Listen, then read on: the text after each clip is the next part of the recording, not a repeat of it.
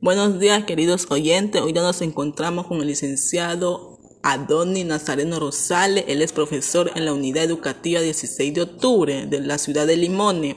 Licenciado Adoni Nazareno, ¿para usted qué es la orientación familiar? Para mí es un conjunto de técnicas y prácticas profesionales dirigidas a fortalecer la capacidad y los vínculos que unen a los miembros de un mismo sistema familiar con la finalidad de que estos resulten sanos, eficaces y capaces de promover el crecimiento personal de cada uno de los miembros de la familia. Para usted la falta de conocimiento, ¿a qué nos conlleva?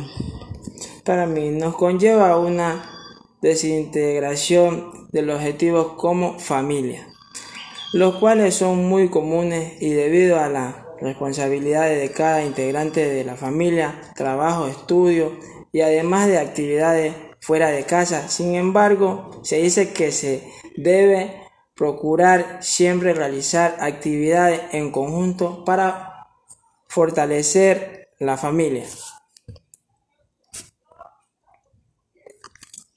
¿Cómo puede usted apoyar a los padres de familia para que la educación a distancia sea exitosa?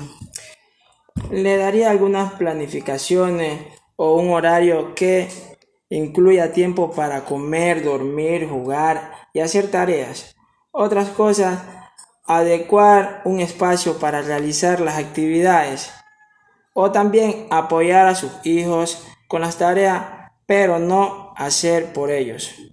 Educar en, en valores, leer y escribir con sus hijos, facilitar a los niños por su esfuerzo.